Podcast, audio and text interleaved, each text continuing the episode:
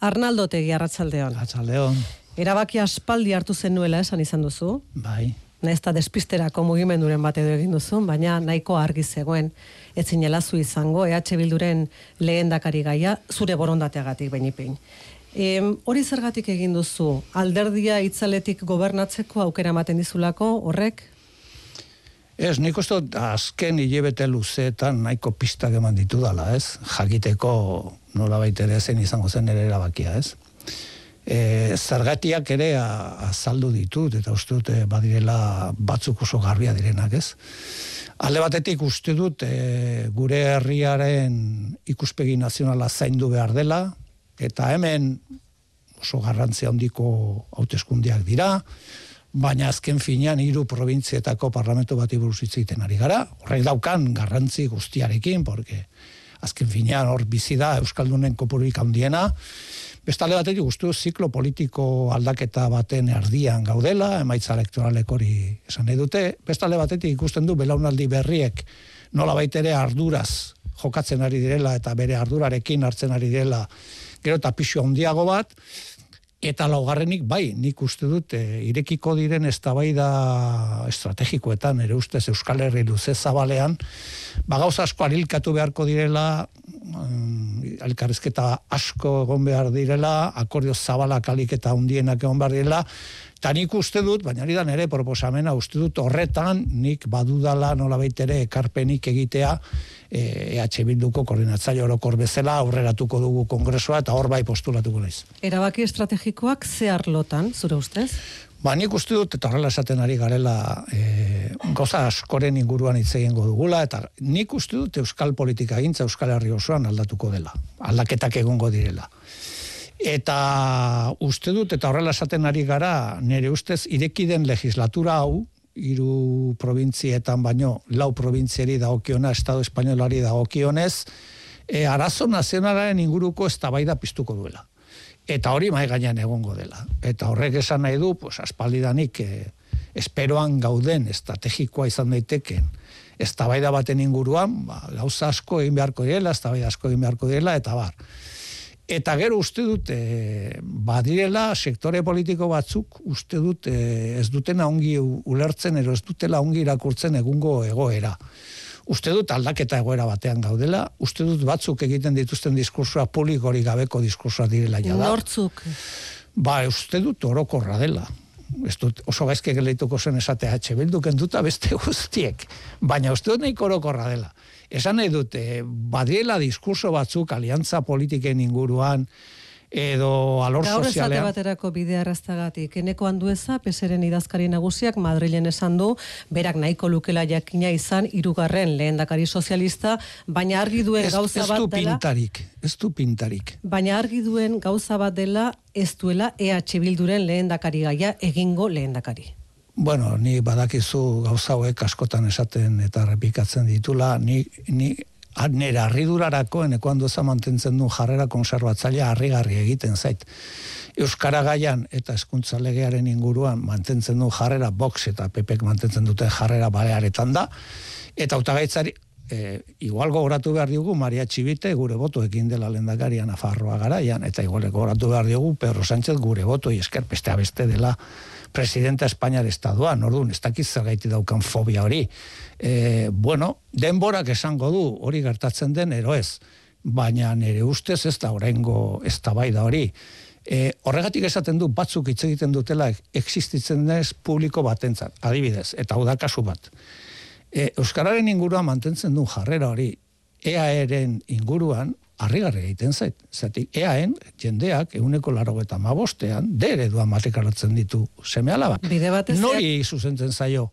Eskola religioso elitisten inguruan bere seme alabak eramaten dituzten sektore sozial hoiei, no, no, norek, norentzat hitz egiten du. Bueno, horrela balin bada argitu dezala, baina e, esat, gauza horiek esatean ikustu dut e, oso imprudentea dela. Parentesi hori zabaldu duzunez ezkuntza legeren inguruan bai. esan duan duezak txalogarria dela, zuek ez babestea ezkuntza lege hori, ze besteak beste horrek argi erakusten duela bere tesiak gailendu direla. Horrek esan nahi du, mai politikoan ezpaitu zue lehen argitu. Ezkuntza lege honen aurka bozkatzeko eskatuko diola EH Bildure mai politikoak bere oinarriei? E, Beitu, horren etorri naiz, neko arrapala da mai politikotik, eta justu hori ez ari ginen, baina uste dut oso argigarria dela. Anduezak esaten du bere tesia gailendu dira, zeintzu dira bere tesiak? Bere tesiak zeintzu dira? Bueno, dakigunez, e, izkuntza ereduaren inguruko tesiak. Bai, orduan, azaldu behar duna da, A ereduar matrikulatzen baduzu norbait, nola daki B, B bai. perfila, bukatzen duenean administrazio o, bere eskuntza sistema. Ez da bai da hori oso e, luze eta sakon azertu dugu, eh? da. Baina ni galdera zuri, bai. oinarriei eskatuko diezue bai. kontrabozkatzeko? berak esaten duenean hori oso argigarria da. Berak esaten du bere tesia gailendu dela eskuntza legean. Zergaitik? Porque PNV eta gure artean gehiengo oso zabala egiten dugu parlamentuan. Ba agian, PNV eta PSOEk ez dutelako bakarrik eh, eskuntza legea paktatu, baizik eta posible da, datorren legislaturarako gobernua paktatu dutela ere bai, eta horren trukean, herri honetan, segurazki, eukiko dugu, eskuntza lege bat, herri honen interesa defendatuko ez dituna. Baina, bueno, berak esaten badu gailendu dela bere tesia, galderaz da neretza, penu berentza da galera. Zuk uste duzu EH Bildurekin aurre ikusten duen leia estuagatik erabiki duela sabinetxeak inigo urkuluren garaia amaitu dela? Uste dut hori horrek parte bat baduela, mm, badakitero, bueno, zurrumurru asko daude, bueno, nik uste dut sekuentzia jarraituta, eta ez naiz ni izango orain, eh, nola baitere gauza hauetaz, eh, zakar ibiliko naizena, ez lendakariarekin, ez eh, alderdiarekin, ez? Baina, bueno, sekuentzia nahiko garbia izan du da. Osea, ni dakidan ez ostegunean eh, esaten zaio lendakariari ez duela repikatuko, ni dakidan ez eskatzen zaio bera izatea hori komunikatzen duna, nire esaten dian ez berak ez du hori onartzen eta filtrazio bat ematen da Korreo Espainolean mundu guztia dakien bezala herri honetan abertzale sektoreak defendatzen dituen komunikabidea.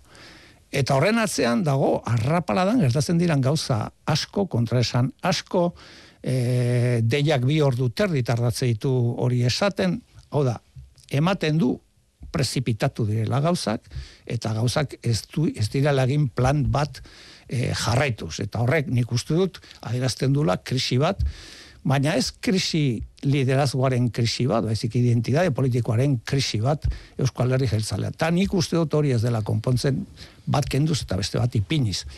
Regenerazioa politikan ez da biologikoa, da politikoa. Eta uste dut gainera e, aukeratu duten e, lehendakari gaian ere respetu guztiarekin, hori ez dut ezagutzen, e, dela urkuluren klon bat, hori ematen du aditzera mundu guztiak, nik ez dut ezagutzen berriro diot, eh? Eta horrelaz badaba, barkamenak eskatzen dio, baina uste dut mundu guztiak perfilagatik ikusten dula aurkullu bezalako lendakari bai, bat, ez? Beraz, e, kontinuidadeko lendakari bada, ez? Kontinuidadeko lehendakari gai bat aukeratzen du EAJak EH Bilduri aurre egiteko, leia estu horretan zure ustez naziotasunak haimesteko garrantzi izan beharko lukenean? Neri harritzen nahi, harritzen nau hori. Nik, e, baina da Edo esan nahi du EH Bilduk ere bere agenda politikoan ez duela lehen esten naziotasunaren ez eta gizarte gaietan jarri duela azpimarra, eta horregatik hartu duela EAJak gestore sendo baten ba, hautagaitza. E, e, ez, ez dut uste horrela izan daitegenik. Betu, gauza bat gertatzen da, eta jendeak ulertuko nau. E, momentu honetan, e, orain da lagutxi kongresuan Pedro Sánchezek e, bere interbentzioan Euskal Herria bilduri e, erantzun bat eman zion. Eta zer esan zun? Eredu lurralde ereduaren inguruko ez da irekitzeko prestagoela eta Euskal Herriak identitate propia duen herri dela. Vale, hori ez da gure meritoa bakarrik. Horrek esan edu guk azken sortzi urtetan gauza asko gertatu dira, baina orain sartu da nazio arazoa, ez da politikoan. Ez bakarrik gure gatik, baina gu gaudelako ere bai. Neri, harritzen hauena da, irekitzen denean aukera historiko hau, argazkiak ateratzen dituztenean junsekin, ez dakit eh, azken eh, urtetan gutxi atera ditu, baina badakigunean Kataluniako afera nazionala horrengo dela, eta Euskal Uno jarri behar dugula gurea, gestio, arrunt, instituzional, korbatadun, e, baten aldeko apustu egitea. Baina ez nuke hori bakarrik esango. Nik haitu egiten diotenean PNV-eri esaten, e, agian Junts eta PNV daukago misio bat, eta da politika sozial eta ekonomikoa moderatzea. Horrek eskatzen dau. Horren bi aukerena, e, bi autaketaen e, ondoria delako niretzat, arazo nazionala bastertuko dutelaren kezka dauka, eta kezkatatik hitz egiten dute. E... behar dugu PNV bat arazo nazionalarekin komprometitua, eta hori da nik desio dudana. Eta ojala, oker nabilen, eta ojala, e, egingo dituzten aldaketetan horren aldeko apusta egiten duten. Orain betirako zalantza bageratuko da, eta da, ea jotak urkuluren autagaitzari eutxi izan balio, zuk azken orduko ziaboga egin gote zenuken, eta zu orduan lehendekari gai aurkeztu. Baina hori jada? Ez, nik, e, osea, guk hartzen ditugu erabakiak ez, du, ez dugu begiratzen bestek egiten duten guk, oso ibilbide horri garbi bat geneukan, eta berdin zen zein aurkezten zen, ero ez. Guk uste dugu, erreflexio politiko bat egin behar dela, momentu historikoa kontuan hartu behar dela, uste dut askotan eh, ez, dugu, ez dugula erreparatzen gertatzen ari den bat gauzei, uste dut momentu historiko oso zehatz batean gaudela, uste dut arazo nazionalen inguruko ez da ireki egingo dela, eta momentu historiko horretan gaudela, eta zentzu horretan uste dut e, Euskal Herria bilduk sendotasuna, lasaitasuna, ambizioa, eta bere bilbide horria era lasai batean plantatzen dula. Eta zein litzateke horretarako lehendakairi gai honen zure ustez? Nik ustot asko ditugula guk, eh, daukagu pixkati manolei gertatzen zaiona ekipo oso potentea, bueno, atetik, atetik ere bai, eh, bestela sarretu Osasuna eta labez ere bai, eta ere bai. Baina uste dut solventzia, lasaitasuna, ikuspegi nazionala, ikuspegi proiektu feminista, nazionala, baitare, Zan nahi dut, e, emakume batek izan beharko luke urrengo lehen dakari gaia EH Bilduren zerrendan? Izan daiteke emakume bat, ero gizonezko bat, feminismoa ez du bakarrik emakumeak defendatzen, denek defendatzen dugu, Euskal Herria Bildu e, nola baitere ikuspegi feminista oso txartatu du. Orduan zabaldu diren izen horiek, kortajarena eta etxe ez dira momentu honetan kinielan lehen postuan leudekenak. Denak egon daitezke kinielan, ez dut horretaz ez izango e, zuek barne prozesua jada abiatu duzu, bai, eh? eta abendurako egongo da itxita? Bai, uste dut abenduan despejatuko dugula definitiboki ez. E, bueno, batzuk esaten dute oso lasai gabiltzala, pues egia da, oso lasai gabiltza. Zen eta ematen du, ematen du, hori ere ez dago ziurtatua, balendakariaren prerrogatiba delako, ez?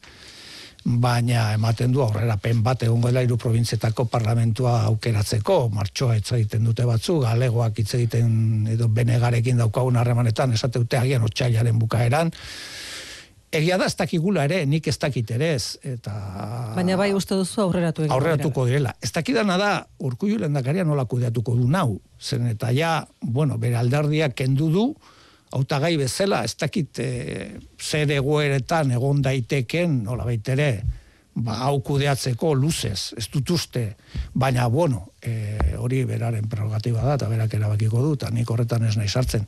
Baina, zaila egiten zait bere paperean sartzea, e, ikusten duzunean zure alderdiak eskatu dizula ez jutea, ez dakit hori, baina badakit, oso langilea dela, oso metodikoa dela, eta azkenean ingo dula, berak pentsatzen duna berena dela, Baita ere, segurazki herri honentzat. Gaur esaten zuen, ez zuela, ez ziola bere buruari presiorik jarriko dataren inguruan.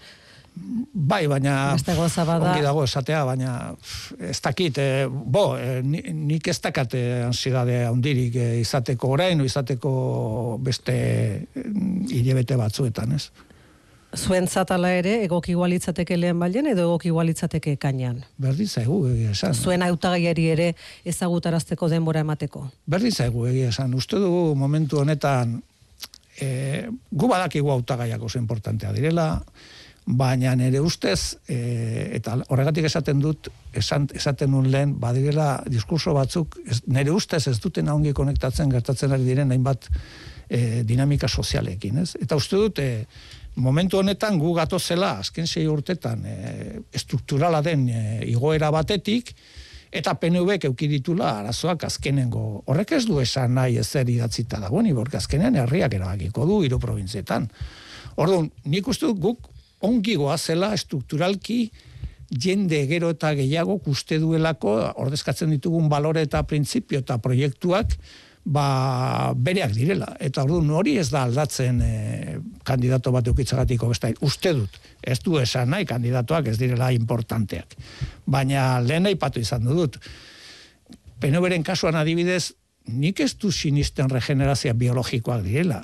Biologikoak izan daitezke biologiak ere agintzen duela, konoski. Baina regenerazioa politikoa dira, hemen jendeak nahi duena da beste politika publikoak egitea, Euskal Herri osoan, eta kasu honetan hiru provintzietan, ez? Orduan, bueno, ez dakit. Bueno, lehen Nafarroako adibidea aipatzen zenuen, eta maitzeagatik, Nafarroako e, piezak ekarriko du aurki zensura mozio bat, esate baterako iruinean aurrekontuekin ibarrolak arazoak baldin baditu, adostuta da hori alderri sozialistarekin? Ikusteko dago, nik esaten detena da, horren inguruan beti esatetena, ez, zurtzi handiarekin. Nik esatetena da, inork ez, guk ez dugu horrela sentitzen, eh, benetan diot. Ja? Guk ez dugu eskatzen asiron izate alkate EH Bildukoa delako, eta ez dugu esaten, eske EH Bilduri zorzaio, ez. Guk esaten duguna da, izan gaitezen koherenteak. Horregatik, harritzen naiz, handu ezak esaten ditun gauzekin. Gure tesia da, akordio alik eta zabalenak, ez inoren kontra, baizik eta Euskal Herria hobeto egiteko, taskeago egiteko. Zein da Nafarroa garaian bloke aurrerakoiaren lidergoa duena parlamentuan? Maria Txibite, pesenena, beraz, bera izan behar da. Zein da kasu horretan iruña? Joseba Ziron, Euskal Herria bildurena. Orduan, ez da kalterik egiten EH Bilduri hori ez eginda. Kalte egiten zaio Iruña rei. Eta orduan, Iruña eta rei. Eta orduan, egin behar dena da hori konpondu. Konponduko dan? Pues ala, espero du. Eta konponduko da, martxoan, edo martxoa esan nahi dut hautezko aurreko onduetako eztabaida hori eh, blokeo egoera batean amaitzen balima da urrengo hilabetetan? Ez dakit, e, egia esan, e, guk esaten duguna da, e, iruñan bizi den jendeak ez du merezi aurrerakoiak ez diren aurrekontu batzuk. Bakoitzak jokatu dezala bere ardurarekin, horregatik berriro diot, handu ezak esaten ditun gauzak, harri-garriak egiten zaizkit. Arnaldo Tegi, Bilduko koordinatzailea? Bai, Eh, eskerrik asko gaur, euskadi gerturatzeagatik.